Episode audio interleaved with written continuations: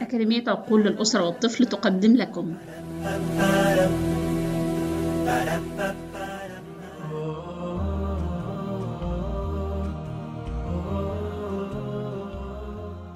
النصيحة ثلاثين. أن تتقبل الأم مشاعر طفلها السلبية مثل الغضب والخوف وأن تسمح له أن يعبر عنها بالبكاء وأن تدعمه آه، وتساعده آه، على تخطيها.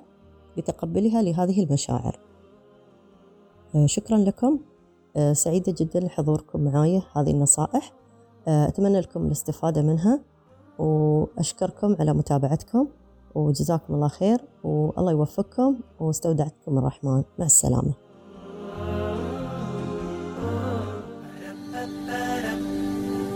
كنتم تستمعون إلى أكاديمية عقول للأسرة والطفل. رب همة أحياء أمة. شكرا لكم.